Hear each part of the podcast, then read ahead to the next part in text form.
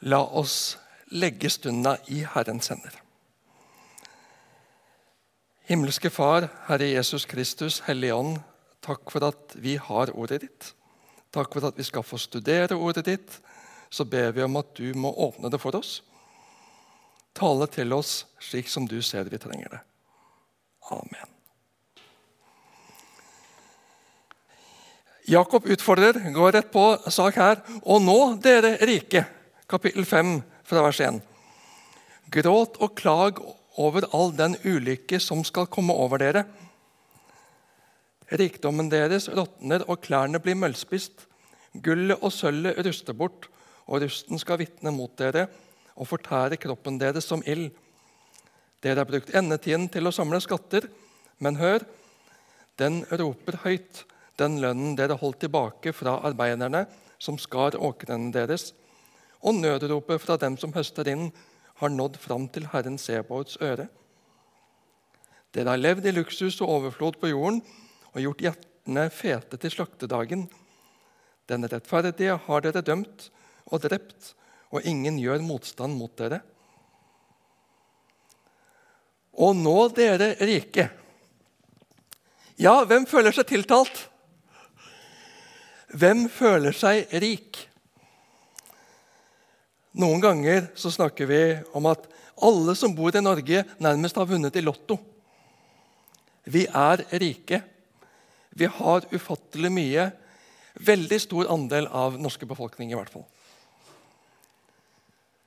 Så er spørsmålet hva gjør det med oss? På den ene sida så vil vi gjerne dysse det ned. Nei, vi er ikke så rike. Og vi kan alltid finne noen rundt oss som har markert mer enn oss selv. Og det er jo ikke slik at vi kan få alt vi peker på. Vi har ikke ubegrensa med penger heller. Og for en del av oss ja, Denne forsamlingen vet jeg ikke, men en del gjennomsnittet av Misjonshusets eh, medlemsmasse i hvert fall, så er nok det tilfellet at banken har en vel så stor eierandel i, i boligen enn den har sjøl. Det er kanskje litt annerledes når man har blitt pensjonist og har vært det noen år. Men også om banken har en betydelig eierandel i boligen, så er vi enormt rike. På den andre sida vil vi gjerne På denne sida vi dysser det ned. På den andre sida vil vi gjerne kunne betrakte vår økonomiske status i betydningen vår økonomiske situasjon og tenke at dette går bra. Vi klarer oss. Vi har til regningene som kommer, og vi har en buffer. Vi har kontroll. Dette fikser vi. Vi er trygge. Og Jeg tror det er akkurat der faren er for oss. At vi har gjort oss til venner med den urettferdige mammon, for å bruke et bibelsk uttrykk. Som vi så da vi jobba med kapittel 4. Det handler ikke om at vi ikke skal planlegge, ikke skal beregne. Vi er forvaltere og skal forvalte etter beste evne. Men det må ikke være det vi kan få til, og det vi har kloa i, som verken definerer oss eller har vår tillit. For det kan smuldre bort i et sekund. Det er ikke verdt å stole på. Det er ikke tilliten verdt. Men Gud er tilliten verdt. Det er ham vi skal stole på. Det er han som er herre over både liv og død.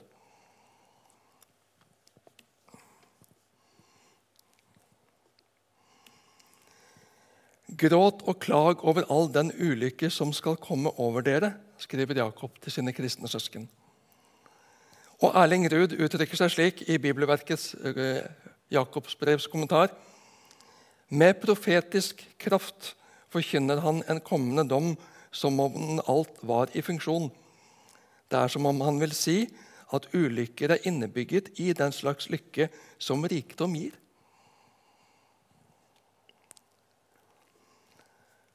Og Nå tar jeg ikke helt kronologisk ledd for ledd, men henter poeng fra helheten i, i dette avsnittet. Den første anklagen Jakob gjør mot de rike, det er at deres livsinnsats har vært å samle seg skatter uten tanke på at de skal dø, og at de skal gjøre regnskap for det som er betrodd dem. Og Den andre anklagen gjelder måten de har beriket seg på. De har holdt tilbake lønnen fra arbeiderne sine. Den gang var det f.eks. storbønder som leide inn dagsarbeidere når det skulle høstes, og som utnyttet deres arbeidskraft og deres behov for litt inntekt, men holdt lønningene nede for å øke egen fortjeneste. I dag så er vi en del av kapitalistisk markeds, en kapitalistisk markedsøkonomi. Og det er vanskelig å finne et bedre system som fungerer. Men vi trenger lover og reguleringer som ivaretar enkeltmenneskenes rettigheter ved og vel. Og så er det spørsmål hvordan vi som enkeltmennesker og som grupper av mennesker, som kristne f.eks., hvordan vi bruker vår makt som forbrukere, som kunder, til å prege i riktig retning. Handler vi varer som gir legitimitet til undertrykking og misbruk av arbeidere i eget eller andre land? Eller velger vi produkter som ivaretar både landeiere og arbeidere? Pusher vi våre myndigheter til å regulere handelen slik at utnytting, undertrykking og urettferdighet ikke skal lønne seg? Dette er ikke enkelt, og dette er ikke mitt fagfelt. Det har jeg behov for å understreke. Men vi kan likevel ikke la være å forholde oss til disse tingene. Med global handel så må vi ha et kritisk blikk på mekanismene i denne globale handelen. Rikdommen deres råtner, og klærne blir møllspist.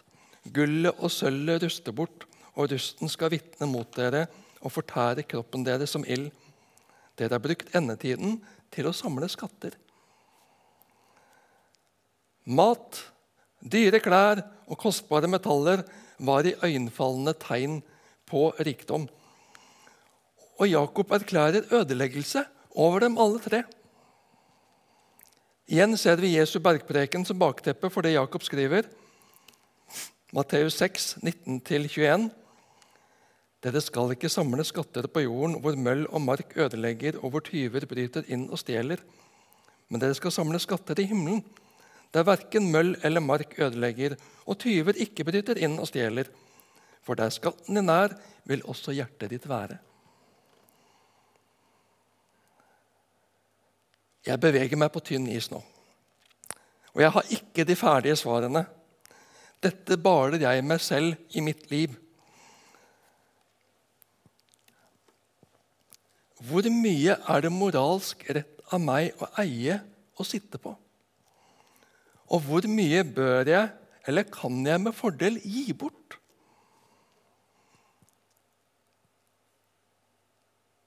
Dette strever jeg med. Og Jeg nevnte for litt siden det å ha til regningene og en buffer for uforutsette utgifter. Bedrifter er pålagt å ha pensjonssparing for sine ansatte. Og som privatpersoner så manes vi til å ha personlig pensjonssparing i en eller annen form, for statens evne til å utbetale komfortabel pensjon når folk lever stadig lenger i dette landet, den er begrensa.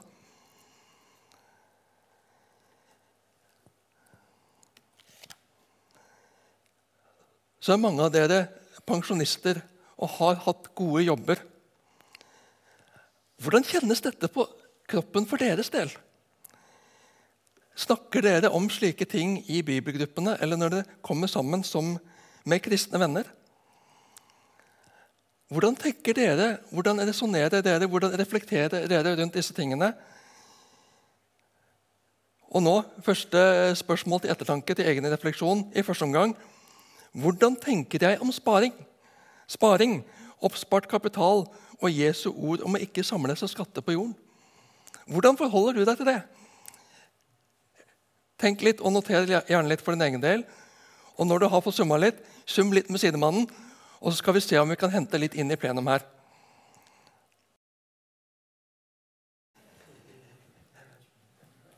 Er det noen som har eh, noen tanker som de vil dele med oss i plenum på det nå før vi går videre?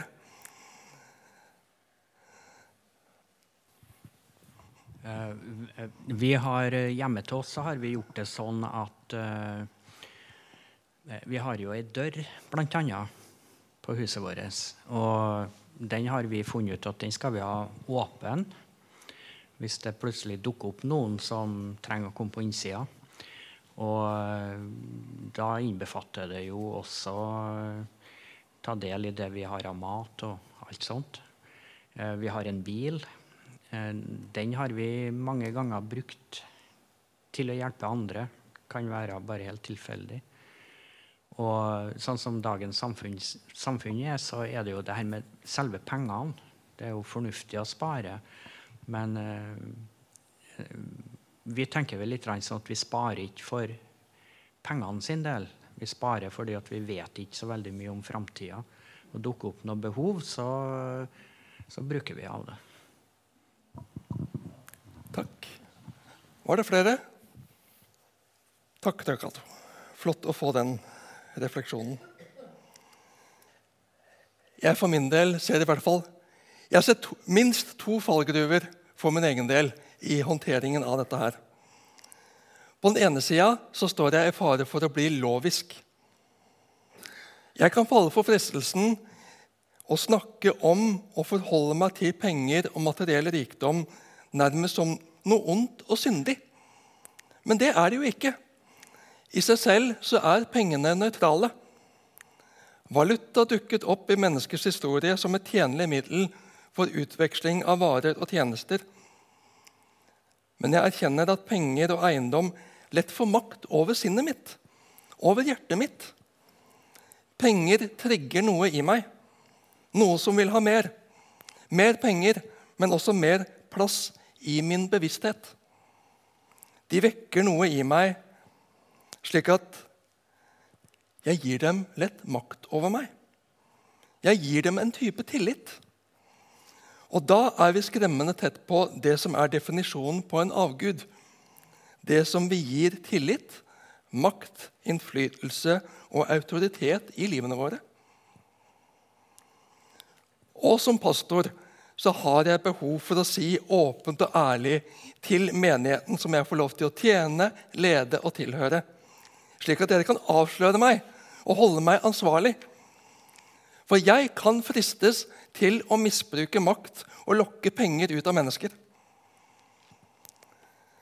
Jeg gremmes og jeg skjemmes over kristne ledere som med stor frimodighet ber om penger til sin virksomhet til sitt rike arbeid, ja, Guds rikes arbeid. Og så kommer det fram hvordan deres private formue øker i takt med gaver som kommer inn til virksomheten. Og En kan bruke bibelvers som de vi nettopp har lest, og andre uttrykksmåter som vi finner i Bibelen. Paulus skriver i 2. Korinterbrev 9,6.: Men det sier jeg, den som sår sparsomt, skal høste sparsomt. Og den som sår med velsignelse, skal høste med velsignelse. Så det bare å gi rikelig, så skal du velsignes rikelig tilbake. Jeg tror vi alle har hørt litt den type, type eh, kollekttaler. Forhåpentligvis ikke her i Misjonshuset. Så er tiende et begrep som vi støter på i kristen sammenheng iblant. Det å gi 10% av sin inntekt det ser vi at Abraham praktiserte i 1. Mosebok 14, 18-20. Der leser vi og Melkisedek, kongen i Salem, kom ut med brød og vin. Han var prest for Gud den høyeste. Han velsignet ham og sa:" Velsignet er Abraham av Gud den høyeste, han som brakte fram himmel og jord. Velsignet er Gud den høyeste, som har gitt dine motstandere i din hånd så ga Abraham ham tiende av alt.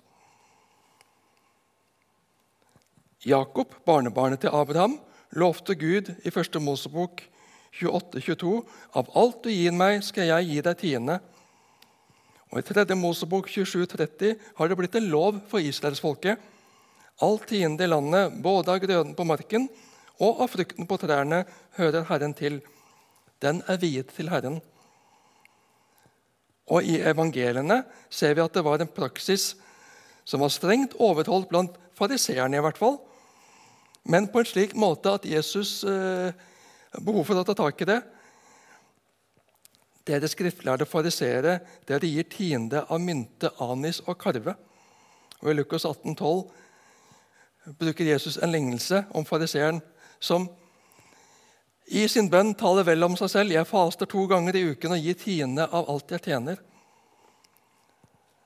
Og Det som kanskje oftest trekkes fram i menighetssammenheng når vi våger å snakke om tiende, det er profeten Malaki, Malakias 3, 8-10. Kan et menneske stjele fra Gud? Dere stjeler fra meg, men sier, 'Hva er det vi har stjålet fra deg?' Tienden og offergaven. Under forbannelse er dere, dere stjeler fra meg hele folket. Kom med hele tienden til forrådskammeret, så det finnes mat i mitt hus. Prøv meg på denne måten, sier Herren over herskarene.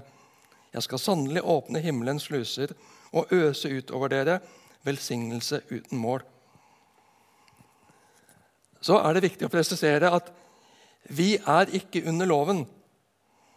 Det har vi lært av Paulus. Så den krasse tiltalen som vi finner her i vers 8 og 9, kan vi legge, eh, la ligge i den gamle pakt. Men vi får en oppfordring i vers 10 som ikke handler om loven. Prøv meg på denne måten, sier Herren over askarene. Jeg skal sannelig åpne himmelens sluser og øse utover dere velsignelse uten mål.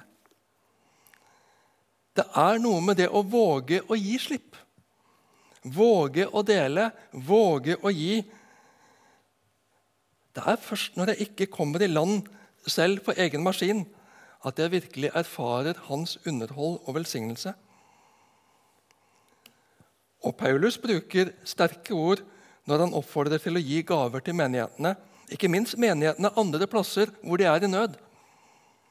Om å legge til side første dag i uka, ikke gi til Gud det som eventuelt blir igjen, når jeg har brukt det jeg trenger og har lyst på, men ha en bevissthet om givertjenesten. Jeg ser at jeg har anlegg for å bli lovisk. Jeg kjenner en viss tilfredsstillelse ved å nærmest kunne tikke av. Det er i orden, det er på plass, det er fiksa, og det har jeg kontroll på. Bra. Men jeg må våkne meg for å binde andre både familie og menighet. Samtidig som det ikke må bli et ikke-tema. Og at utfordringen og formaningen til å gi med glede og av raushet, ja, offerperspektivet, som vi ser flere plasser, at ikke det uteblir heller fra våre sammenhenger. Gi så det får konsekvenser for oss. Ikke for å tilfredsstille Gud eller mine religiøse tentakler, men vi er forvaltere, ikke eiere. Det er Guds gitt meg å forvalte, ikke sitte på eller eie som mitt. Så har vi i Misjonssambandet et godt rykte på oss når det gjelder givertjeneste. Sambanditter gir mye til misjon. Det har jeg hørt rundt forbi, og det har jeg også erfart. Og jeg tror det handler om en nød som driver en. Vi samler ikke inn penger til oss sjøl. Det handler ikke om å holde hjulene i gang her hos oss. Det handler om å bringe evangeliet ut til alle folkeslag. Misjonsoppdraget, misjonsgløden og misjonsnøden skaper givervilje, det skaper giverglød, og det skaper giverglede. Men misjonsgløden utfordres både innenfra og utenfra det var og er sikkert fortsatt en viss skepsis i organisasjonen vår i forhold til forsamlingstenkning og menighetsdannelser i Misjonssambandet. Fordi en er redd for at det skal gjøre oss mer innoverorientert. At vi blir mest opptatt av vår egen menighet, vår egen forsamling, og utvikle den. Det som lever, det utvikler seg. Det ligger i sakens natur. Det som ikke utvikler seg, det dør. Men en risiko ved å vokse som menighet er at vi blir oss selv nok. Vi blir så oppslukt av alt vårt eget at vi glemmer vårt større oppdrag verden for Kristus. Gå derfor og gjør alle folkeslag til disipler. Vi må aldri få nok med oss sjøl. Vi må ikke bli noen åndelige egoister. Og vi må aldri kjøpe samfunnets premisser om at enhver blir salig i sin tro. Misjonstanken utfordres i samfunnet vårt i dag. Når alvoret med livets to mulige utganger tones ned, hvis det ikke er noen fortapelse, hvis alle blir frelst til slutt, eller at det bare er slutt ved døden Ingen fare for fortapelse. Da er det jo ikke så viktig med misjon. Men Bibelen er tydelig på at det er ingen andre veier til Gud, vår far. Jesus sa det klinkende klart. 'Jeg er veien, sannheten og livet.' Ingen kommer til Far uten ved meg. Og Mange skriftord bekrefter og understreker alvoret som vi ser i den lille Bibel, Johannes 3, 16. For så høyt har Gud elsket verden, at han ga sin sønn den enbårne, for at hver den som tror på han, ikke skal gå fortapt, men ha evig liv. Guds hjerte Guds ønske er det ingen tvil om. Gud elsket hvert eneste menneske. Gud ga sin sønn, Gud ga seg selv for hvert enkelt menneske. For å berge fra fortapelsen til evig liv. Men det betyr også at uten Jesus er ethvert menneske fortapt. Vi må bringe budskapet om Jesus til alle folkeslag. Og så hører vi fra hovedkontoret i Oslo at det er unge som melder seg til å reise ut som utsendinger. Men det er økonomien som setter grenser for hvor mange en kan sende. Og Da blir spørsmålet holder vi for mye igjen. Har vi mer å gi? Jeg vil ikke bli lovisk. Jeg vil ikke Unnskyld. Jeg vil ikke binde andre mennesker. Det må være en indre nød, en guddommelig nød som driver offeret, som driver givertjenesten fram. Ikke en overivrig pastor. Ingen menneskelig maktbruk eller overtalelsesevne. Gud elsker en glad giver. Så var det et langt første punkt om fallgruven jeg ser for et lovisk forhold til penger og det å samle seg skatter på jorden. Den andre fallgruven som jeg ser, er faren for å bli overfladisk. En kan få et overfladisk forhold til penger og forvaltergjerningen ved at en rett og slett ikke tenker over det. En har aldri reflektert over det. Eller en har bare skjøvet det foran seg. 'Dette er for komplisert. Dette orker jeg ikke å forholde meg til.' Punktum. Da har en i praksis gitt gitt fra seg autoriteten, gitt fra seg styringen i sitt forhold til penger. En lar humla suse. Og da blir det markedskreftene med sin bevisste og kyniske, maktfulle markedsføring og eventuelt sterke venner eller sterk familie som får styringa.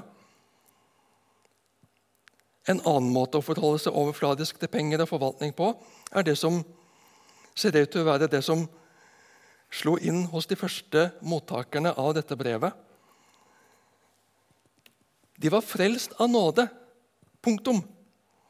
Frelsen handlet jo ikke om hva de gjorde eller ikke gjorde. Det hadde de oppfattet. Men det ble i deres hoder til at Gud har ikke noe med pengene mine å gjøre. Og pengene fikk dermed stor makt i livene deres. Nådens betingelsesløshet må ikke La min gamle natur få stå for pengehåndteringa. Da blir det lite igjen når jeg har fått det jeg selv har lyst på. Og en tredje måte et overfladisk forhold til penger og forvaltning kan slå ut på, er at forbrukerkulturen og statusjaget i samfunnet rundt oss vil prege oss og sluke oss. Om jeg ikke tenker selv, vil jeg automatisk bli en del av tenkningen rundt meg. Vi er i verden, men ikke av verden. Derfor er det ikke verdens tenkning som uten videre skal være det som preger oss, men vår skapers tenkning. vår Herre og Frelsers tenkning, holdning og mentalitet. Min trang til å eie og råde og selv ha kontroll trenger å arresteres og innordnes under Han som jeg bekjenner som min Herre og Gud, den treenige Gud, Far, Sønn og Ånd, som har skapt meg, som har vist meg hvem jeg er, og hva Han har gjort for meg, fordi Han elsker meg, og som har frelst meg. Så trenger jeg som en kristen, men fortsatt på denne jorden, under påvirkning av verdens krefter og mentalitet, og med en gamle Adam som ikke har takket for seg, dessverre, trenger å bli røsket tak i iblant, så jeg ikke sovner, så jeg ikke blir sløv, så jeg ikke blir overfladisk. For jeg vil at det skal være Han som jeg bekjenner meg til, som min Herre og Gud. At det er han som i virkeligheten, at det ikke bare er en teoretisk bekjennelse, men at han er i praksis min Herre og Gud. Ikke det som jeg kan få kloa i og tjene, som samfunnet rundt meg sier at lykken er å finne i. Vi skal få lov til å legge penger til side, så vi har til regninger som kommer. Det er ikke noe galt i å ha en buffer eller spare til pensjon, eller spare av pensjon, om det er mulig. Det vet jeg ikke. Det vi skal vokte oss for, er at pengene får makten over oss. At det er hva vi kan kjøpe for penger som gir oss lykke og tilfredsstillelse tross sin kortvarighet. Og at det ikke er penger og eiendom vi setter vår lit til. For den kan forsvinne på et blunk. Ingen kjenner morgendagen eller pengenes eller eiendommens verdi i morgendagen. Men vi får kjenne Herren, vår skaper og frelser, som har skapt oss, som har kjøpt oss tilbake til seg, og som har lovet å være med oss alle dager inntil verdens ende. Og ved verdens ende har vi heller ingenting å frykte, for da skal vi takket være Jesu verk, få være hos ham, få være hos Far i herlighet i evighet. Akkurat som vi har bilen på EU-kontroll annethvert år, i hvert fall vi som ikke har helt ny bil, og diverse servicer som bilen skal på, så trenger også vi som mennesker å ta en statussjekk. Hva er det jeg stoler på? Hva er det jeg setter min lit til? Og ved det avsløre hva er min Gud? Hvem er min Gud egentlig? Og Da blir det en maktpåliggende bønn for meg å be. Himmelske Far, det er deg jeg vil høre til. Herre Jesus, ditt verk alene er det som kan redde meg, bære meg, gi meg håp for framtiden. Tilgi meg alle gangene falske støtter, krykker og guder har fått din plass i mitt liv. Du skal være min Herre og Gud. Rens meg, tilgi meg, hold meg fast hos deg til jeg står frelst og fri i herlighet. Amen. Og den siste setningen i Jakob 5,3.: Dere har brukt endetiden til å samle skatter. Hva vi stoler på, er én ting, en viktig ting. Hva som får være Gud i praksis. Det er også av stor betydning hva vi bruker tiden vår til den siste tiden. Jesus kommer snart igjen for å hente sine hjem. Hva er jeg opptatt av denne tida? Hva får min tid? Hva får mitt engasjement? Hva prioriterer jeg? Så sier nok det mye om hvor hjertet mitt er. Mange her kjenner sangen til Cornelis Vresvik, 'En fattig trubadur'. Leser svensk. Ja, ja, det blir som det blir, men jeg skal i hvert fall ikke synge den. Ja. Du kan ingenting ta med deg dit du går. Nei, du kan ingenting ta med deg dit du går. Du behøver inga penninger når du ved porten står og du kan ingenting ta med deg dit du går. Du kanskje er en rikemann som samler i en peningpung. Fast den før ut er stinn og tung. Du gnider og går an. En kassakista er din Gud, men så en afton får du bud, og alle dine slanter små, hva hjelper de deg da? Vi vet det. Vi vet det veldig godt. Vi har hørt det så mange ganger.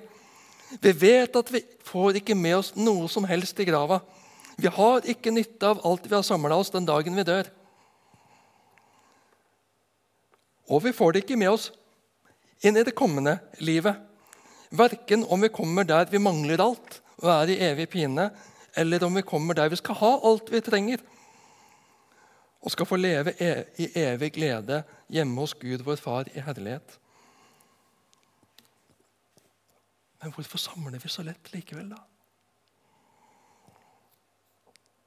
Er det en innbilt kontroll som vi har snakket om?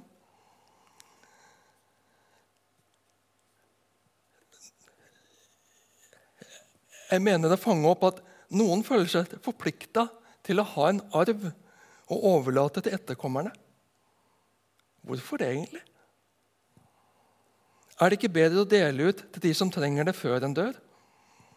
Om det er egne etterkommere eller flyktninger eller nødlidende forfulgte trossøsken andre steder i verden. Eller de som ennå ikke har fått noen i sin midte som kan bringe dem evangeliet til tro, håp, frelse og evig liv. Så er det et aspekt til som jeg må ta med når jeg snakker om hva vi bruker endetida til. For det er mange som har gått på en smell og blitt utbrent i Guds rikes arbeid. Det er ikke Guds vilje. Det er ikke Guds ønske. Og det er ikke det Jakob legger opp til heller. Vi kan bli utslitt og utbrent ved å legge på våre skuldre det som skulle ligge på Guds skuldre og fellesskapets skuldre. Bær hverandres byrder betyr ikke at du skal bære alles byrder. Det betyr at vi skal se, møte og hjelpe hverandre, ja, men også ta imot hjelp og legge av vårt hos andre. Og få legge av alt hos far. Vi er tross alt hans barn. Vi er Guds medarbeidere, ja, men ikke hans jevnbyrdige. Han har ansvaret. Det er han som skal ha kontrollen.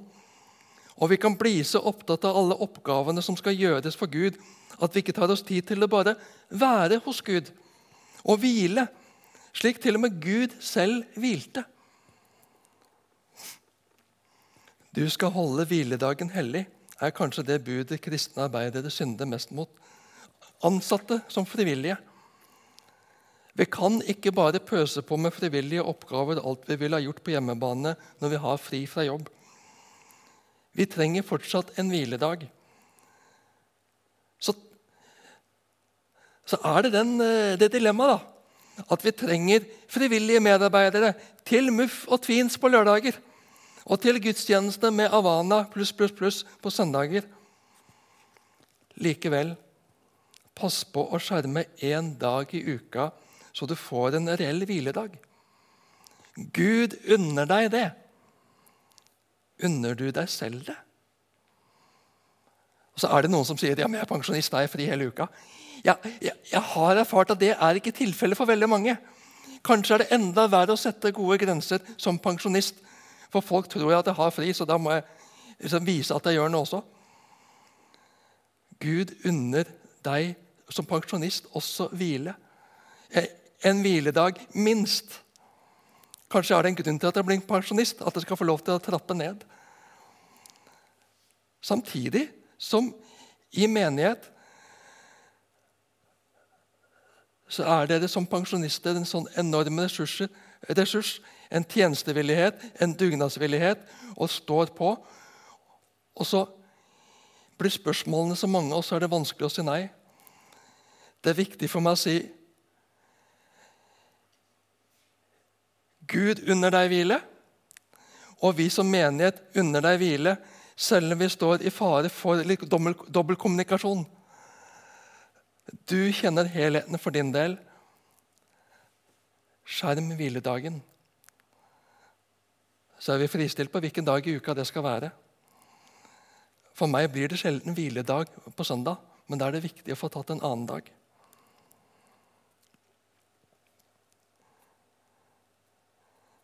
Og da er, er det midt inni det Sånn er det når den viker fra manus. Da uh, hentes inn igjen.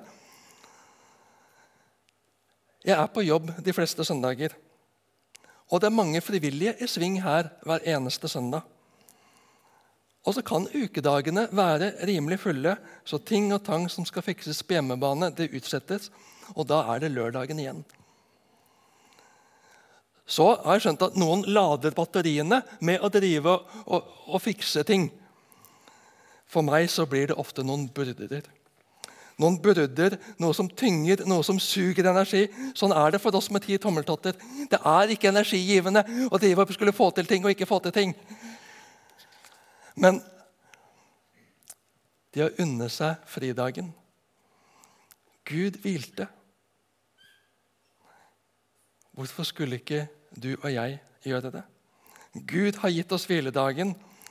Staten til og med, gjennom arbeidsmiljøloven, gir oss den. Hvorfor strever jeg med å ta imot? Jeg bærer noen tyngre enn jeg er ment å bære. Eller jeg gir noe større viktighetsgrad enn å ta vare på meg selv. Er det det jeg egentlig vil? Det er ikke det Gud vil. Gud har omsorg for deg og meg. Han unner oss hvile. Ja, han har bedt oss om å hvile. Og det skal vi også få ha. Og da er refleksjonsspørsmålet til hver enkelt har jeg en god balanse mellom virke og hvile? Hvis ikke, hva er det egentlig som hindrer meg? La oss bruke litt tid på den hver for oss. Jakob 5, 4. Men hør, den roper høyt, den lønnen dere holdt tilbake fra arbeiderne som skar åkrene deres, og nødropet fra dem som høster inn, har nådd fram til Herren Sebaots øre. Som europeere så har vi en lite flatterende historie. Som koloniherrer som tok seg til rette og demonstrerte en opplevelse av egen suverenitet over innfødte der vi turte frem. Som oljerike nordmenn i et velsmurt velferdssamfunn så kan vi også fristes til å tenke at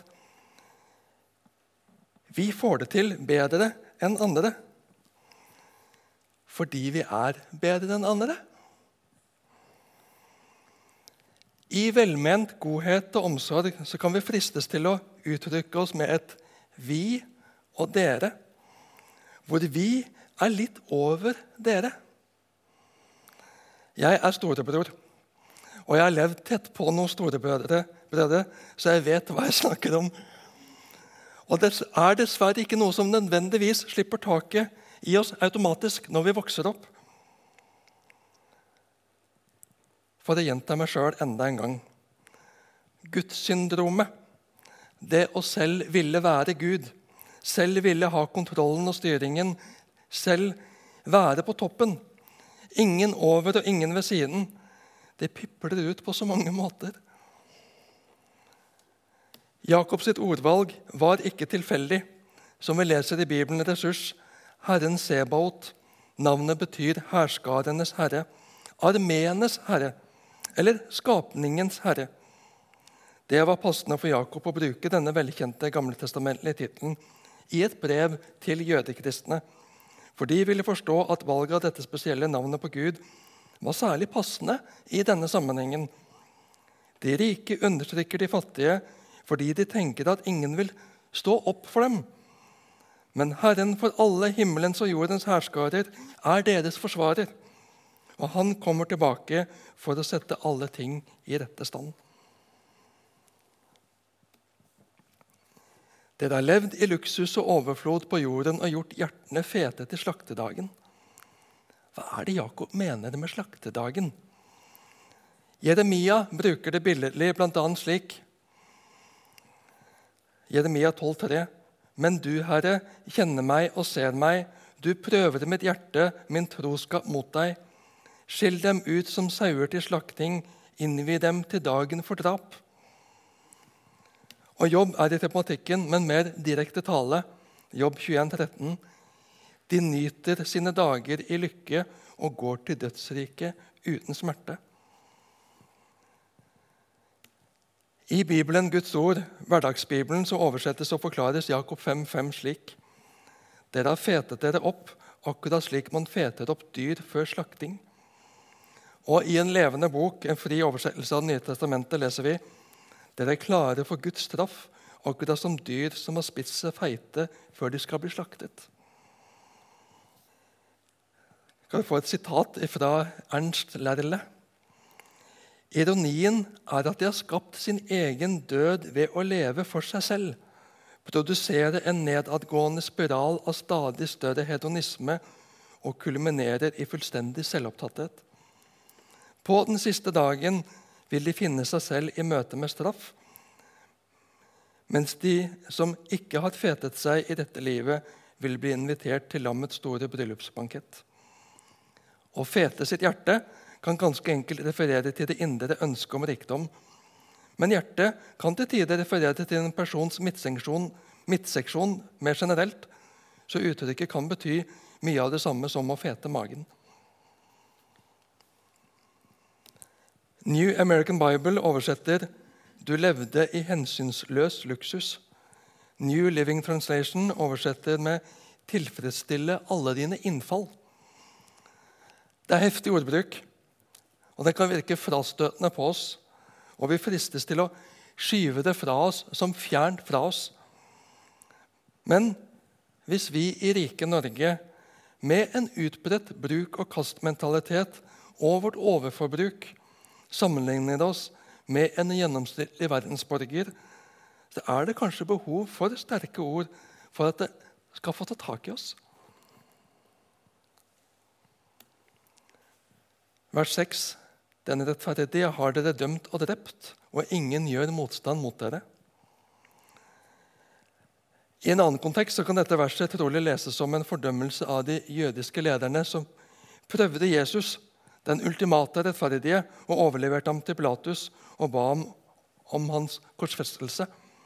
Men i denne sammenhengen så er de Jakob konfronterer, de rike grunneierne som har svindlet arbeiderne sine for å skaffe seg mer rikdom, så den rettferdige er nok et uttrykk for enhver rettferdig person i menneskelig forstand som har blitt svindlet.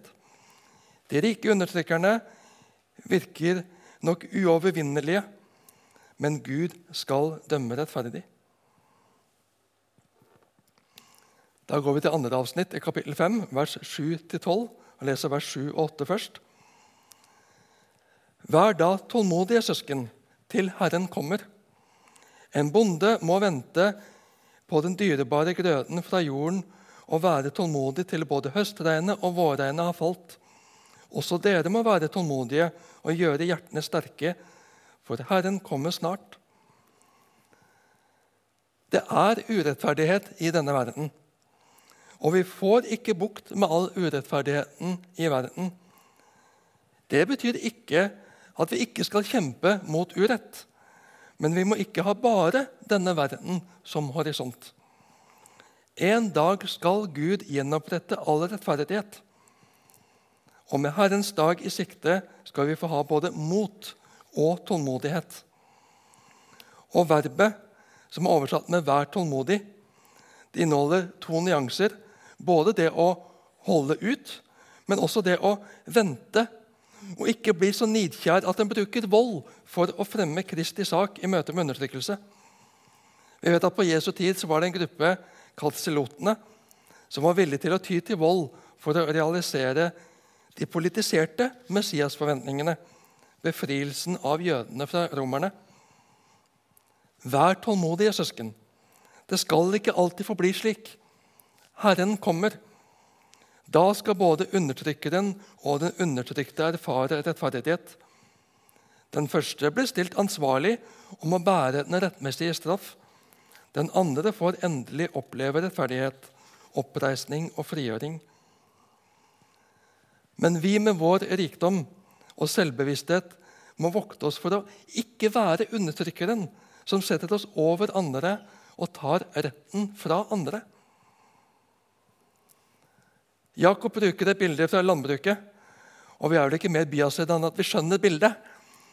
En bonde må vente på den dyrebare grøten fra jorden og være tålmodig til både høstregnet og vårregnet har falt.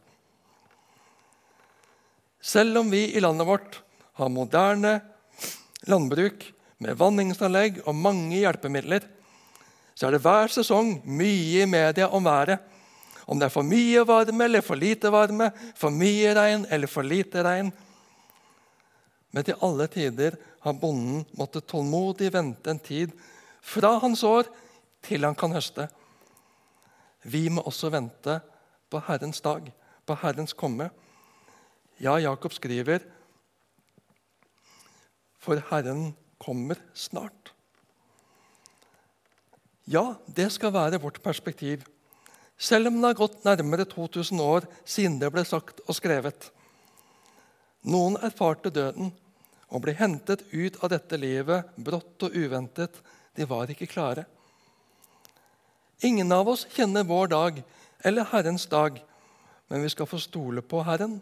Vi skal få hvile i Herren, som vil ta seg av oss om vi lever i Ham. Vær tålmodig. Gjør hjertene sterke. I motsetning til passiv, lat venting skal de på samme måte som bonden når han venter på at avlingene skal modnes, gjøre alt som står i ens makt for å sikre en sunn og god avling. Søke alle måter en kan for å styrke sitt hjerte, sin tillit til Gud og sitt forhold til ham. Og I Septuaginta så kan dette uttrykket om å gjøre hjertene sterke bety å få fysisk styrke for en reise. Det kan bety mot som kommer av tillit til Herren, og det kan bety fasthet i intensjonen.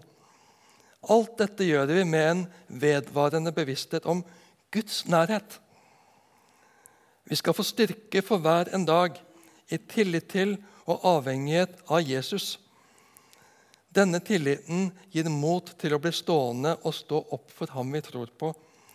Jeg skammer meg ikke ved evangeliet, for det er Guds kraft til frelse for hver den som tror. Og vi holder fast på troen og sannheten i Guds ord. Vi skal ikke vakle eller vike fra det. Det er klippen. Det er forankringen. Vi fortsetter i Jakobs brev, kapittel 5, vers 9 og 10. ser vi på sammen. Kom ikke med klager mot hverandre, søsken, for at dere ikke skal bli dømt. Se, dommeren står for døren. Ta profetene til forbilde, søsken. De som talte i Herrens navn, de holdt tålmodig ut når de måtte lide vondt. Jeg sier det ofte i samtale med nye medlemmer spesielt. at Forskjellen på de i menighet og utenfor menighet, sånn veldig karikert, det er at innafor så får vi være frelste og tilgitte syndere. Men syndere, det er vi alle sammen. Det er syndere utenfor menigheten og det er syndere i menigheten. Men heldigvis får vi være tilgitte syndere i Jesus. Og, kan, og ved det at vi er syndere, også innafor, så kan vi iblant irritere oss grønne på hverandre irritere oss over hverandres særegenheter og ulike fokus. Og så kan vi såres av hverandre og oppleve oss urettferdig behandla. Og det er viktig å ta opp ting, så vi kan lytte til hverandre og forstå hverandre og gjøre opp. Ikke klage for å rakke ned på hverandre. Ikke sette den andre ettertrykkelig på plass, for det fortjente du. Eller 'Jeg måtte bare få sagt det' i praksis få ut sinne. Men ta opp ting for forståelse, for forsoning og gjenoppretting av relasjonen.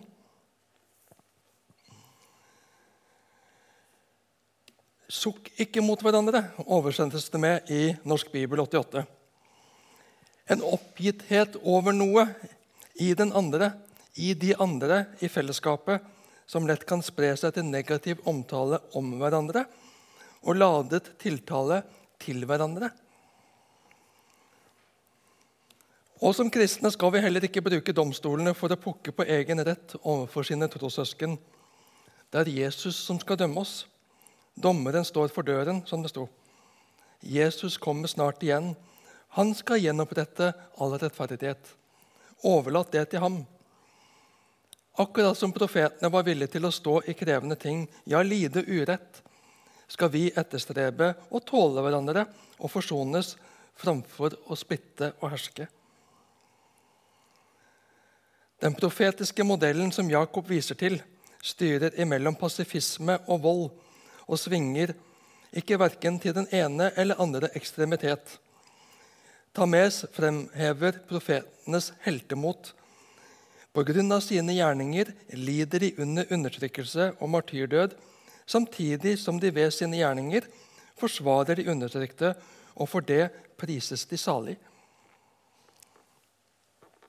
Vers 11. Ja, dem som holder ut, priser vi salige. Dere har hørt hvordan Jobb holdt ut, og har sett hvordan Herren lot det ende. For Herren er rik på medlidenhet og barmhjertighet. Jeg er redd for å snakke om dette sånn at det blir en gjerning, at det blir en prestasjon. Men vi lever under motstand i denne verden. Mange av våre trossøsken opplever forfølgelse. Vi står i en fare for å falle fra troen, for å gi opp fordi det blir for tøft, eller skli bort fra Jesus pga. alle tingene som kommer imellom, og som tar Jesu plass i våre hjerter og i vårt sinn. Derfor er det et aspekt ved troslivet, det å, å holde ut, så vi når saligheten så vi når fram til herligheten hjemme hos Gud vår Far. Å holde ut er ikke en øvelse i å ta seg sammen, men å bli i Ham som vi har tatt imot som Herre og Frelser. Tross trykk fra gamle Adam og omgivelsene til å kaste troen over bord, slik Jobb ble oppfordra til av sin kone. Vi lever i et samfunn og en tid som er ekstremt individualistisk. Det handler om å finne min vei, følge mitt hjerte, realisere mine mål og mitt potensial. Jeg må gjøre det som er rett for meg. Det er litt mantra i vår tid. Følge sitt hjerte. Dessverre ser vi at det er en tenkning og en kultur som skaper avstand mellom mennesker. Flere og flere blir ensomme. Det er flere og flere som sliter med psykiske lidelser. Som kristne, som menighet, så er vi et fellesskap som skal hjelpe hverandre på himmelveien. Vi er et fellesskap av Jesu etterfølgere som har underlagt oss hans vilje. Han er vår Herre. Hans verdier og mål er våre verdier og mål. De egenskaper og gaver han har gitt oss, skal vi ikke først og fremst realisere til vår ære, men til hans ære og til gagn for de vi er plassert iblant. Vi er et fellesskap av frelste syndere som skal hjelpe, oppmuntre og heie på hverandre på himmelvei, så vi når saligheten. Så skriver Blomberg og Campbell den første delen av dette verset avslører en interessant ironi. Vi er mer enn villige til å kalle andre velsignet, kalle andre salig for å tåle lidelsene, selv om vi ikke har noen interesse i, å gjennomgå det selv. Au! Den biter.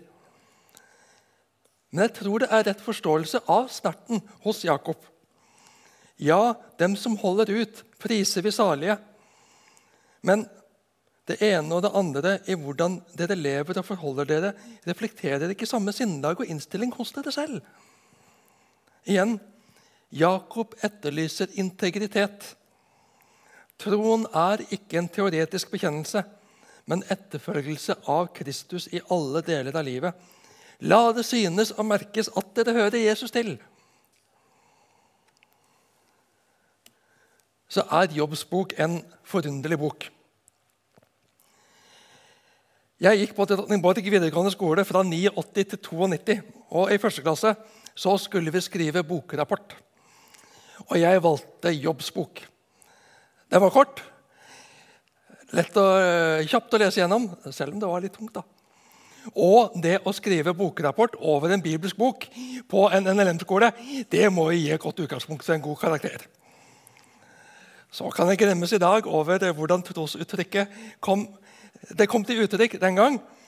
Integrert er kanskje ikke det rette betegnelsen. Den var ikke eh, så godt utviklet, for å si det sånn. Men frimodigheten den var til stede. i hvert fall.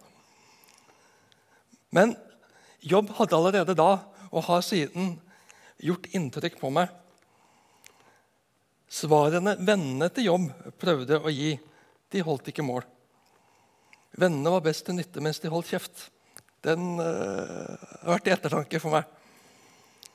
Og Gud gir heller ikke svar. Men Gud ga Jobb en god attest til tross for Jobbs klage og anklage. Selv om Jobb ble anklaget av venner, hjelperne gjorde byrden av smertene bare større. Kona var heller ingen støtte. Hennes bitterhet på mannens vegne fikk utslag i å råde til å spotte og forlate Gud. Men Jobb lot seg ikke knekke verken av smertene, av urettferdigheten, av belastende venner eller av en krevende og lite støttende kone. Jobb holdt ut. Han forsto ikke, men han sto i det. Han ga ikke opp Gud. Han forlot ikke troen. Og velsignelsen etter prøvelsene ble det dobbelte av tapet gjennom prøvelsene. For Herren er rik på medlidenhet og barmhjertighet. Det er slett ikke alltid vi klarer å se det. Iblant blir spørsmålene mange. Vi får det ikke til å gå opp. Dette rimer ikke med bildet av en god Gud. Men Jakob forsikrer, og Skriften i sin helhet gir oss et solid bilde av en Gud som lider med oss. Som smertes og opprøres av urettferdighet, av lidelse og ondskap. Det ser vi i Noah-historien, hvordan Gud opprøres over ondskapen og vil utslette den, men berge og beskytte de som ønsker å følge ham. Det ser vi i Jonah-historien. Jonah som stritter imot, men Gud vil vekke folket i Ninive til omvendelse og frelse dem. Det ser vi i Hosea-historien, hvordan Gud bruker profeten Hosea som et eksempel på sin kjærlighet til et troløst folk. Han gir Hosea beskjed om å gifte seg med ei hore. Og Når hun vender tilbake til prostitusjon, ja, blir en sexslave, så kjøper Hosea henne tilbake. Hennes troløshet hindrer ikke Hoseas trofasthet. Vår troløshet hindrer ikke Guds trofasthet. Og vi ser det til fulle i Jesus. Gud som kom til jord, ble et menneske, ble forfulgt, ble misforstått og hånet, spottet og forsøkt felt, fanget og torturert, ja, drept for din og min skyld. Gud lider med oss, for Herren er rik på medlidenhet og barmhjertighet. Og vers 12. Framfor alt så må dere ikke sverge, mine søsken, verken ved himmelen eller ved jorden eller ved noe annet. La et ja være ja og et nei være nei, så ikke dommen skal ramme dere. John Curson Nei, det hadde jeg ikke der. Nå var jeg litt for, litt for kjapp. John Curson skriver jeg kjenner en som var så bestemt på å lære denne leksen at han en gang i uken i 40 år fastet fra å snakke. Det er jo et solid eh, eksperiment. Så er Bibelen realistisk. Ordspråkene 10-19. Der det er mange ord, er det ingen mangel på synd. Forstandig er den som holder tungen i tømme. Jo mer jeg snakker, jo mer problemer kan jeg få. Så Jakob sier det veldig praktisk at vi skal holde talen vår så enkel og grei som mulig. Jakob anser antagelig det å banne eller sverge som det mest alvorlige av talesyndene, fordi en brutt ed blander Gud direkte i usannhet. Jakob setter trolig dette verset der han gjør fordi de fattige kristne kan bli fristet til å bruke eder og sverge for å avverge kreditorer eller for å få kreditt for mat og andre nødvendigheter, vel vitende om at umiddelbar betaling bare ville være mulig med et mirakel, antyder Blomberg og Campbell. Igjen ser vi hvor tett Jakob er opp til bergprekenen, Matteus 5, 34-37. Men jeg sier dere, dere skal ikke sverge i det hele tatt. Verken ved himmelen, for den er Guds trone, eller ved jorden, for den er hans fotskammel, eller ved Jerusalem, for det er den store kongens by. Sverg heller ikke ved ditt hode, for du kan ikke gjøre et eneste hårstrø hvitt eller svart. La et ja være ja og et nei være nei. Alt som er mer enn det, er av det onde. Sannsynligvis så er ikke Jesu poeng å forby edsavleggelse f.eks. i en domstol.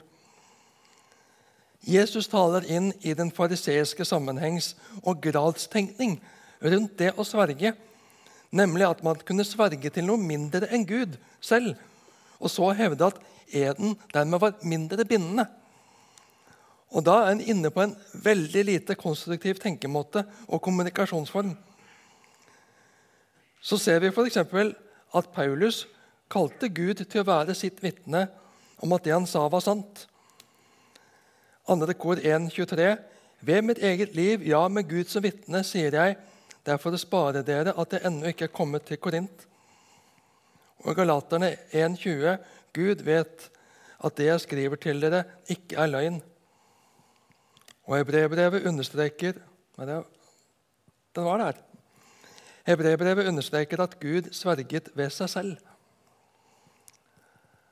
Poenget tror jeg må være både hos Jesus og hos Jakob at folk skal snakke sant, være troverdige. At en ikke skal omgå sannheten med den konsekvens at folk ikke vet helt om en kan stole på dem eller ikke, og at det derfor må kompensere med sverging og eder og forsikringer i håp om å bli trodd. La et ja være et ja, og et nei være et nei. Alt som er mer enn det, er av det onde. Da skal dere få en liten Jeg vil at dere skal tenke to tanker sjøl først, før vi går inn i neste tematikk i Jakobs brev, nemlig dette med forbønn og salving. Hvilke erfaringer og hvilke tanker har du om salving og bønn for syke? Har du hørt om, har du vært vitne til, har du opplevd selv? Et minutt før vi går inn i avsnittet fra vers 13. Er det noen blant dere som lider? Da skal han be. Er noen glade til sinns? Da skal han synge lovsanger. Den troende jøden han ba flere ganger daglig. Og som troende Jesus-etterfølgere skal vi ha en åpen linje om dagene er gode eller onde. Gud er ikke bare en som vi kaller på i nøden, eller en som bare passet på festdagene. Som gjennom hele brevet så er hele livet med Gud. Det er ikke bare utvalgte deler av livet som er Gud vedkommende. Han involveres og har en naturlig rolle i alle deler av livet. Så var det et interessant utsagn som jeg måtte dele med dere. Det er Blomberg og Campbell igjen. Vi bør se på bønn som en revolusjonær taktikk, ikke en passiv resignasjon til en situasjon. Tenk litt på den. I bønn henter vi hjelp og øre fra herskarenes herre, vår Gud som er mer enn i stand til å rette opp våre feil og hjelpe oss i vår smerte. Bruken av 'blant dere' kan antyde at Jakob ikke først og fremst tenkte på private, personlige bønner, men på bønner i det troende fellesskapet. Og det kollektive perspektivet, fellesskapsperspektivet her, syns jeg er veldig fint. Vi skal ikke være alene eller overlatt til oss selv, verken i lidelsen eller i gleden. Vi er et fellesskap som skal få dele gleder og sorger med hverandre.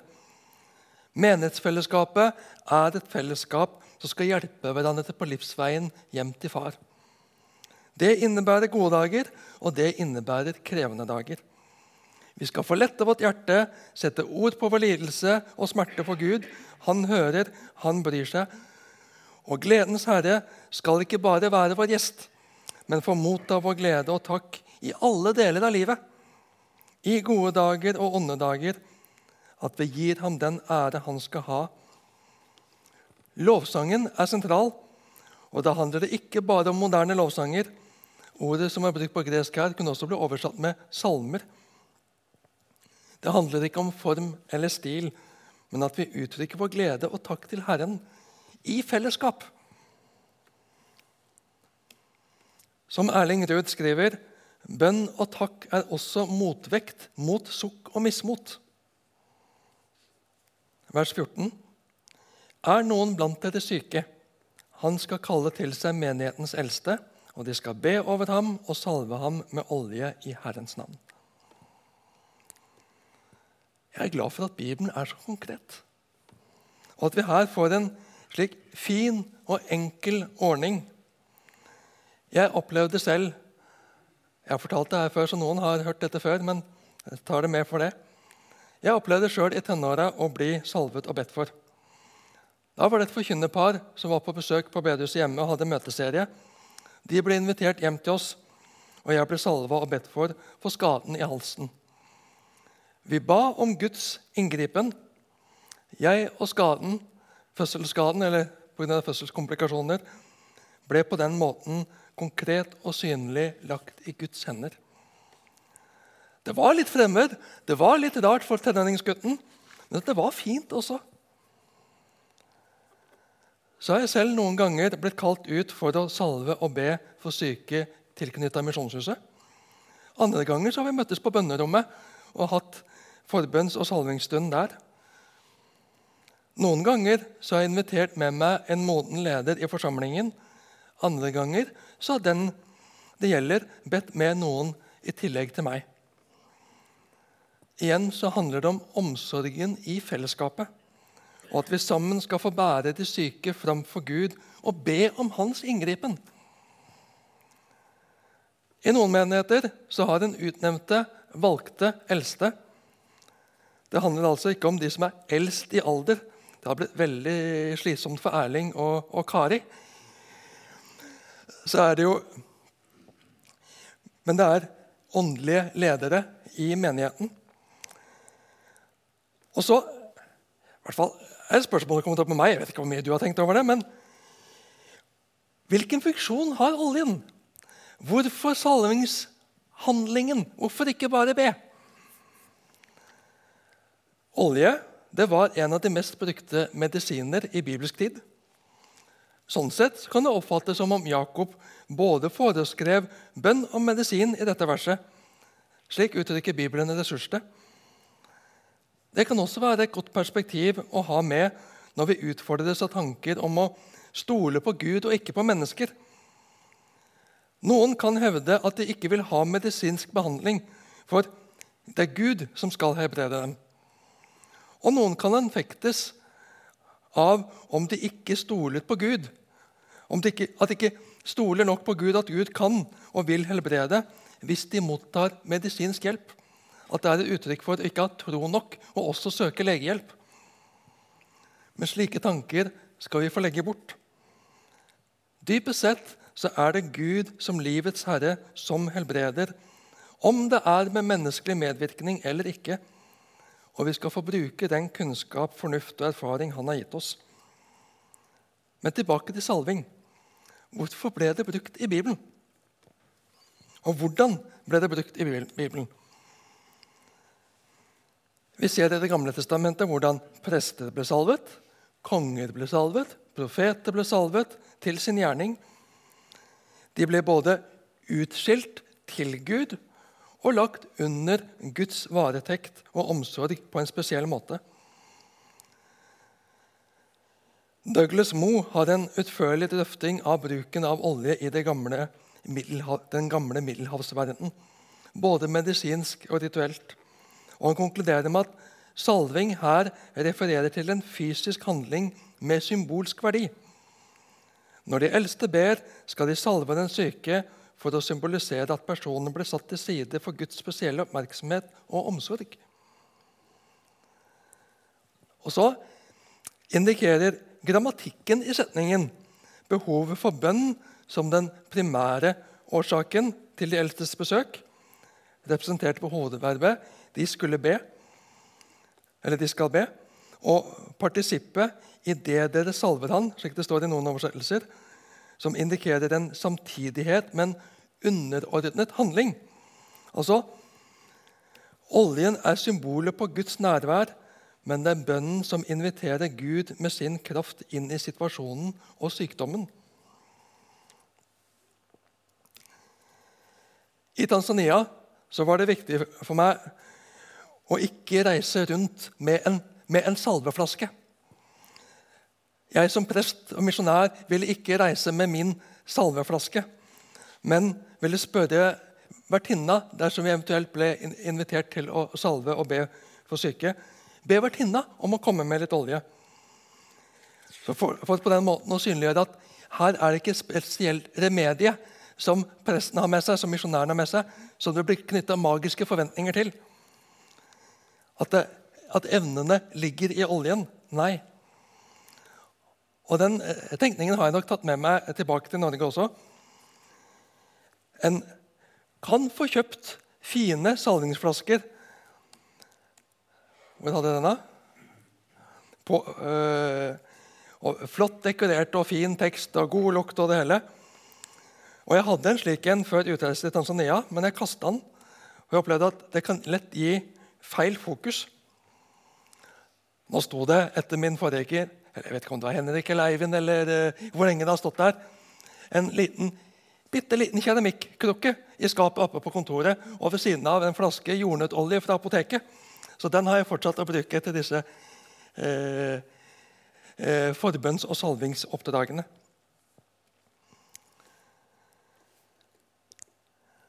Men det er ikke oljen som er det vesentlige. Det er bønnen. Og Det står om helbredelse i Bibelen mange ganger hvor salving ikke er et element i det. Men likevel så får vi her i Jakob 5 en konkret måte å gjøre det på, med konkrete handlinger. Jakob har gitt oss det, Gud har gitt oss det. Og Så står det i forlengelsen, vers 15.: Da skal troens bønn redde den syke, og Herren skal reise ham opp. Vi skal få ha tro til bønnen og det å kalle sammen menighetens eldste til forbønn og salving. Det er en ordning som Gud har gitt oss, som vi skal få bruke med glede og forventning. Vi skal få være trygge på at Gud kan helbrede, og han vil helbrede før eller siden. Så er ikke salving et rituale som helbreder ved sin gjennomførelse. Det er ikke en kraft i vår makt, men det er en overgivelse til Gud, Han som kan alt. Så leste vi da skal troens bønn redde den syke. Jeg tror mange av oss her har med oss en krevende ballast. Mange av oss har blitt utfordret av herlighetsteologi. En teologi hvor troens styrke har avgjørende betydning for om helbredelsen skjer slik at spørsmålet lett kommer i oss tror jeg nok. Men da er det viktig å legge merke til ordbruken her. Troens bønn. Det er troen som fører til at jeg ber. Troen resulterer i bønn. Det er det avgjørende. Her handler det ikke om å ha en tro av en viss størrelse. Her er tilstrekkelig tro fra den syke side at han sender et bud. Akkurat som det er nok tro på en medisinsk behandling eller en operasjon at en syk sender bud til lege eller lar seg legge inn til behandling. En liten tro på en stor Gud er en stor nok tro for våre, vår store Far i himmelen, skriver Erling Ruud. Og han skriver videre blir så alle syke helbredet når det handler etter dette ordet? Troens bønn skal hjelpe den syke sto det en tidligere oversettelse. I 2011-oversettelsen i Bibelselskapet så står det 'redde den syke'. Det står ikke 'da skal troens bønn gjøre den syke frisk'. Det står 'da skal troens bønn redde den syke', og Herren skal reise ham opp. Hvordan skal Herren redde? Hvordan skal Herren hjelpe den syke? Erling Ruud igjen til full overgivelse i Guds gode vilje. Enten det blir fortsatt sykdom eller helbredelse, enten det blir liv eller død som utgang. Det er et stort under å bli helbredet ved bønn. Det er ikke mindre under, det er ikke mindre hjelp til den syke å kunne bære sin sykdom dersom dette er Guds vei og vilje inntil han en dag skal reise ham opp. Løfte ham eller henne opp i herlighet. Troens bønn sier alltid 'skje din vilje'. Og Fortsettelsen hos Jakob viser en sammenheng. Sykdom kan henge sammen med synd, samtidig som Jesus i Johannes 9 er veldig tydelig på at sykdom slettes ikke alltid har sammenheng med personlig synd. Men sykdom og død er et resultat av synden og ondskapen i verden. Og det er vårt hovedproblem. Og det tar både Jesus og Jakob på alvor. Det vil Jesus reise oss opp fra. Vi leser videre i vers 15. Har han gjort synder, skal han få dem tilgitt. Bekjenn da syndene for hverandre og be for hverandre, så dere kan bli helbredet. Og Jeg har lyst til å ta med et sitat fra Egil Sjåstad, som står på foross.no. Egil, som var rektor, lærer og rektor på Fjellhaug bibelskole og på Fjellhaug internasjonale høgskole, han skriver Sammenhengen forutsetter en åpenhet der den syke, om han vil og orker, legger fram sine bekymringer. Det bør også være naturlig å gi den syke anledning til å bekjenne synder. Mange syke kjemper med tanker om nederlag i fortiden. Trøsten i evangeliet er viktigere enn noen helbredelse. Salvingen og håndspåleggelsen har en symbolsk funksjon. Den syke skal konkret få merke vår omsorg. Selve berøringen blir et merkbart tegn på at det nå er han eller henne det gjelder. Nå er det han eller henne vi legger fram for Gud. Salven ble på Jakobs tid ofte brukt ved behandling av syke. Den skal minne oss om at underfull helbredelse og medisinsk behandling ikke er motsetninger. Vår forbønn skal inneslutte den behandling som pasienten får av helsepersonell. De kjemper også på Guds side. På skapelsens plan er de et Guds redskap til å fremme livet. Så langt Egil Sjåstad. Jakob 5, 16.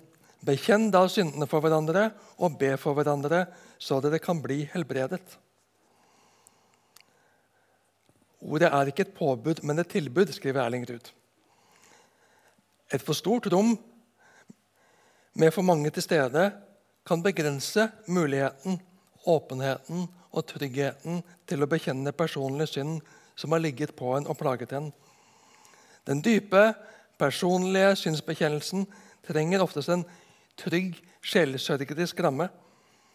Gode, nære venner som en har tillit til, og som en er helt trygg på, kan være en slik god ramme. I enerom med en kristen leder med taushetsplikt er en annen mulighet.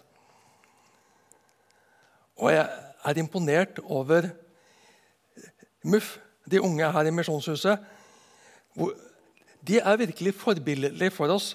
De har startet nye bønnemøter søndag kveld, ett for menn og ett for damer, hvor de har nettopp fokus på bekjennelse av synd og ansvarliggjøring overfor hverandre.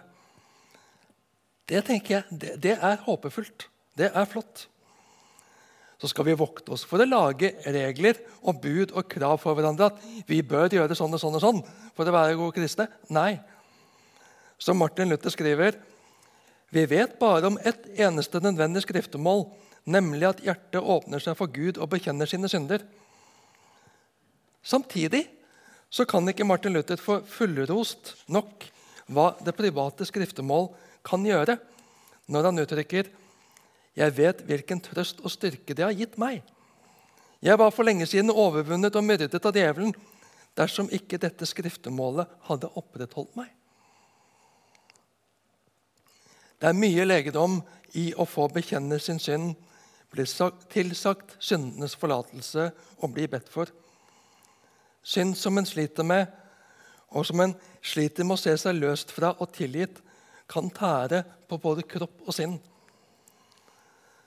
Og det er mitt inderlige ønske at vi i Misjonshuset kan ha en slik fortrolighet og trygghet med hverandre i smågrupper, i mindre fellesskap, at vi kan dele livet på godt og vondt og be med og for hverandre.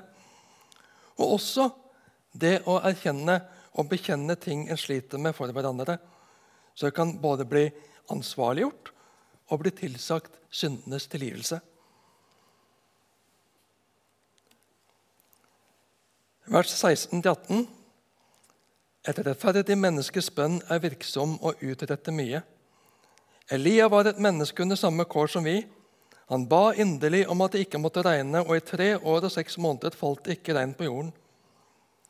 Så ba han på ny, og da ga himmelen regn, og jorden ble igjen, bar igjen grøde.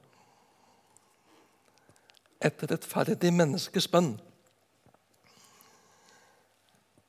Er du som meg, så er det lett å vende blikket innover i møte med sånne ord. Er jeg rettferdig?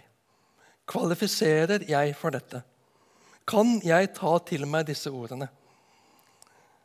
Bibelen i ressurs skriver at den som skal be for andre, selv må leve i et rett forhold til Gud, selv ha fått sine synder tilgitt. Dette står i motsetning til den som ikke ber troens bønn, og henviser til kapittel 1, vers 6, om å vakle til alle sider. Der leste vi en bølge på havet som drives og kastes hit og dit av vinden.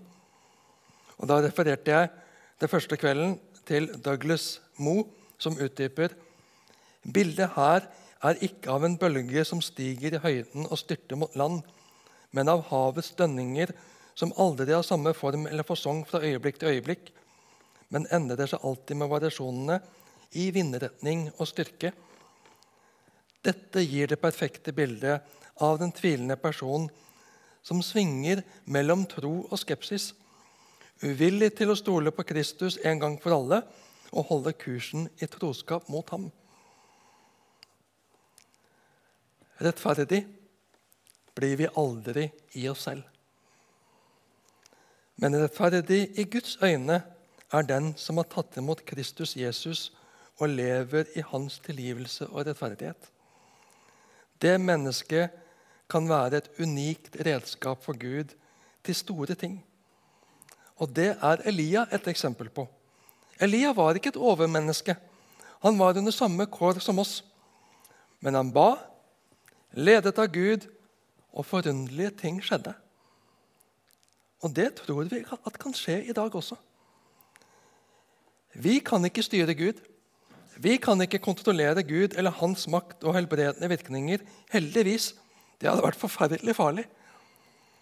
Men vi skal få være redskaper i hans hender til store ting når vi følger ham og ber han inn i våre og andres liv. Mine søsken. Har du telt hvor mange ganger han har skrevet det i dette brevet? Jeg har ikke telt, men jeg har lest noen som har telt. og De kom til 14. Hele 14 ganger tiltaler Jakob sine lesere som søsken. Jakob skriver ikke til fremmede. Han skriver ikke til folk utenfor menigheten. Han skriver ikke til folk utenfor troen. Iblant har han brukt så tøffe ord at vi kunne lure på om han betrakter leserne som frafalne. Men det var hans inderlige hjerte for at de skulle bli bevart og ikke stå i veien for andre, som gjorde at han ikke kunne tie stille, at han brukte så sterke ord så skriver Jakob her i, avslutningsvis i brevet, vers 19 og 20. Dersom en av dere forviller seg bort fra sannheten, og en annen får ham til å vende om, så skal dere vite den som får en synder til å vende om fra sine ville veier, berger sjelen hans fra døden og skjuler en mengde synder. Vi skal få være sikre og trygge i troen på Jesus på det han har gjort. Men det kan fort forveksles med en selvsikkerhet som gjør en blind for egen oppførsel og virkning på andre. Det er mulig å falle fra. Det er mulig å skikke seg slik at det er vanskeligere for andre å se Jesus. Men om en av dere skulle forville dere bort fra sannheten, bort fra Jesus og en annen får ham til å vende om, da får denne være med og berge en sjel fra døden. berge en sjel fra fortapelsen, fra den evige død, og skjuler ved det en mengde synder. Verbet som er brukt her, planao, lede på avveie eller bedra, har samme rot som planet. Eller helt bokstavelig himmelsk vandrer. En planet går i sin bestemte bane. En himmelsk vandrer i åndelig forstand går også i bane. En står ikke stille. Vi står ikke på stedet hvil som kristne. Men en må aldri komme ut av Jesu, bane rundt Jesus, ut fra Jesu nærhet, ut fra Jesu nådefelt, bort fra Jesu tilgivelse, Jesu hellige lys over livet. Blir planeten forstyrret, forvirret, ledet ut av sin bane, så blir det kaos i universet. Blir den åndelige himmelvandreren ledet ut av banen nær Jesus, bedratt bort fra livet med Jesus, så er det fortapt. Vi kan bli ført ut av banen som holder oss nær Jesus, som holder oss forsonet med Jesus. Og folk i vår midte kan bli bedratt, ført vill, så de kommer ut av livsfellesskapet med Jesus. Samtidig som vi jobber for å nå nye og vinne nye, må vi ikke miste av syne og av hjertet de som har vært med en tid, men som har blitt sjeldnere å se, som kanskje er i ferd med å komme ut av bane, ut av kurs. Har synden fått en plass i livet, så er livet i fare åndelig satt, åndelig talt. Hvor er bror? Hvor er en søster som med hjertevarme og visdom kan lede tilbake i bane, tilbake til Jesus, tilbake til livet i nåden og skjule en mengde synder? For Gud er syndene skjult i Jesus.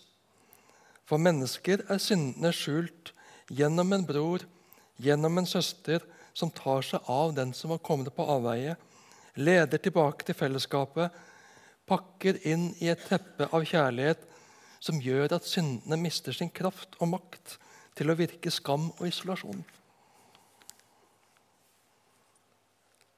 Og slik slutter Jakobs brev.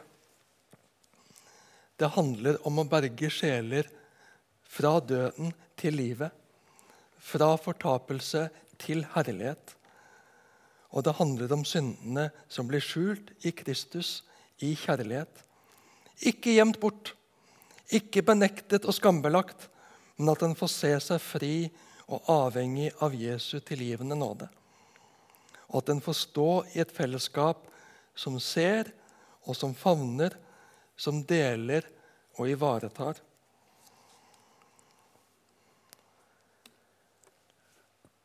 Nå har vi gjennom fem kvelder, fem onsdager, av ca. to timer jobba oss gjennom Jakobs brev vers for vers. Og Nå skal vi bruke et par minutter. Sitter du med Bibelen i bokform eller eh, på telefonen, bla litt fram og tilbake, og la tankene gå gjennom disse kveldene. Hva vil du ta med deg? Ifra, ifra dette dypdykket i Jakobs brev. Summe litt for deg sjøl, og så hadde det vært kjempeflott om vi kunne få noen glimt av de i fellesskap før vi avslutter for i kveld.